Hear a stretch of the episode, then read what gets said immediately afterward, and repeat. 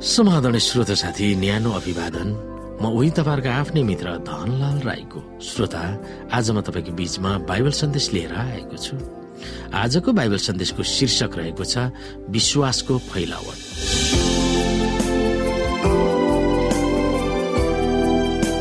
श्रोता साथी स्वर्गमै सुरु भएको विद्रोह पृथ्वीमा फैलियो भनेर सिकाउने प्रकाश बाह्र अध्यायलाई हामी हेर्न सक्छौँ। यहाँ प्रकाश बाह्र अध्यायको एकदेखि हामीले हेऱ्यौँ भने स्वर्गमा एउटा आश्चर्यजनक चिन्ह देखियो।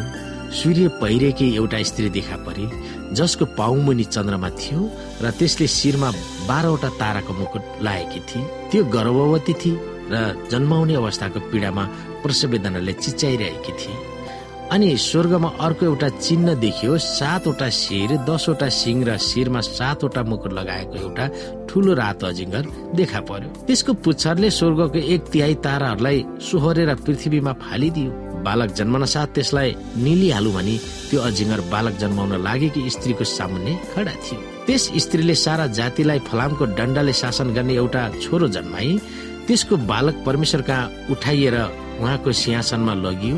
त्यो स्त्री चाहिँ उजाड स्थानभित्र भागी जहाँ एक हजार दुई सय साठी दिनसम्म त्यसको पालन पोषण होस् भनेर परमेश्वरले त्यसको लागि ठाउँ तयार पारिराख्नु भएको थियो। अनि स्वर्गमा लडाई भयो मिखायल र तिनका दूतहरूले त्यस अजिङ्गरसँग युद्ध गरे अजिङ्गर र त्यसका दूतहरूले पनि युद्ध गरे तर यिनीहरू हारे र यिनीहरूका निम्ति स्वर्गमा कुनै ठाउँ रहेन। त्यो ठुलो अजिङ्गर तल फालियो त्यो प्राचीन सर्प जो सारा संसारलाई बहकाउने दियावल श्वास सैतान हो। त्यो पृथ्वीमा फ्याँकिएर त्यसका दूतहरू त्यसका साथसाथै फ्याँकिए तब मैले स्वर्गमा यसो भनिरहेको एउटा ठुलो आवाज सुने। अब हाम्रा परमेश्वरको मुक्ति शक्ति र राज्य र उहाँका ख्रिसको अधिकार आएको छ किनकि हाम्रा भाइहरूलाई दोष लगाउने जसले हाम्रा परमेश्वरको सामान्य तिनीहरूलाई दिनरात दोष लगाउँछ त्यो तल फ्याँकिएको छ। तिनीहरूले थुमाको रगत र आफ्ना गवाईको वचनको कारण त्यसलाई जितेका छन् र तिनीहरूले मृत्यु समय पनि आफ्नो ज्यानको माया राखेनन्। यसकारण यस स्वर्गमा रहनेहरू तिमीहरू रमाओ तर पृथ्वी र समुद्रलाई धिक्कार छ किनभने समय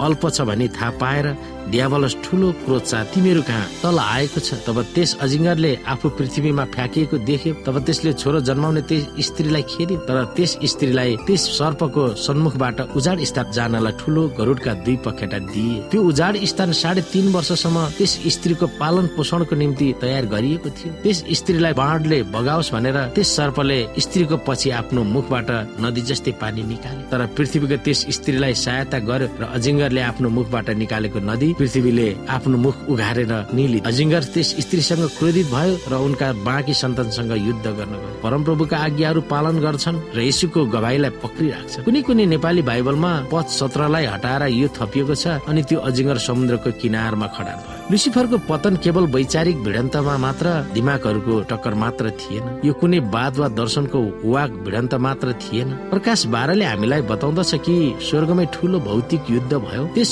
महायुद्धमा लुसिफर र उसका स्वर्गदूतहरू एकातिर थिए भने यसुका स्वर्गदूतहरू अर्का यो कुनै पौराणिक कथामा रचिएको महायुद्ध थिएन। लुसिफरले नै वास्तविक युद्धको नेतृत्व गरेको थियो। लुसिफरलाई प्रकाश बाह्रमा ठुलो अजिङ्गर वा ड्रागन पुरानो सर्प द्यावल वा सैतान अथवा नेपालीमा भन्नुपर्दा दान भनिएको छ र भाइहरूलाई दोष लगाउने भनेर सम्बोधन गरिएको छ। भने ख्रिस्टलाई मिखायल जसको अर्थ परमप्रभु जस्तै हुनुहुन्छ। हो जसको अर्थ परमप्रभु जस्तै हुनुहुन्छ।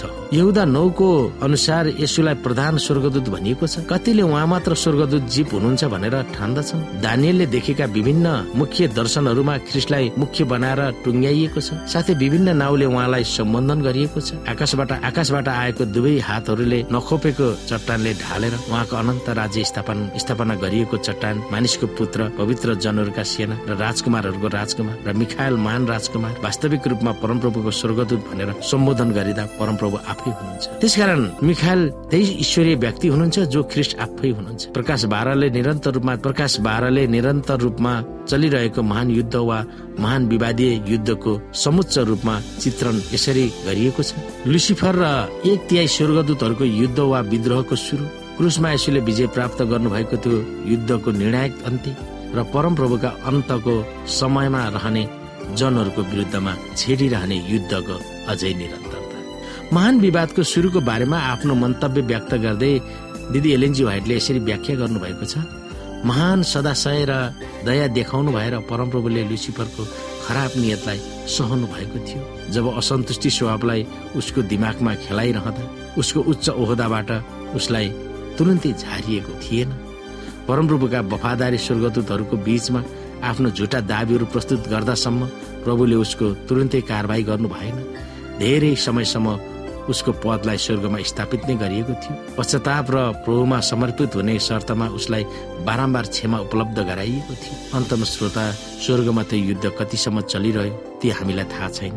तर युद्धको तीव्रता र समयको ख्याल भन्दा पनि यो ठुलो द्वन्द्वको महत्वपूर्ण पक्ष त सैतान र उसका स्वर्गदूतहरू हारेर यिनीहरूका निम्ति स्वर्गमा कुनै ठाउँ रहेन। तर हाम्रो निम्ति ठुलो समस्या त तिनीहरू यस पृथ्वीमा आए र युगको अन्तसम्म तिनीहरूसँग युद्ध गर्न हामीलाई बाध्य पारिएको छ।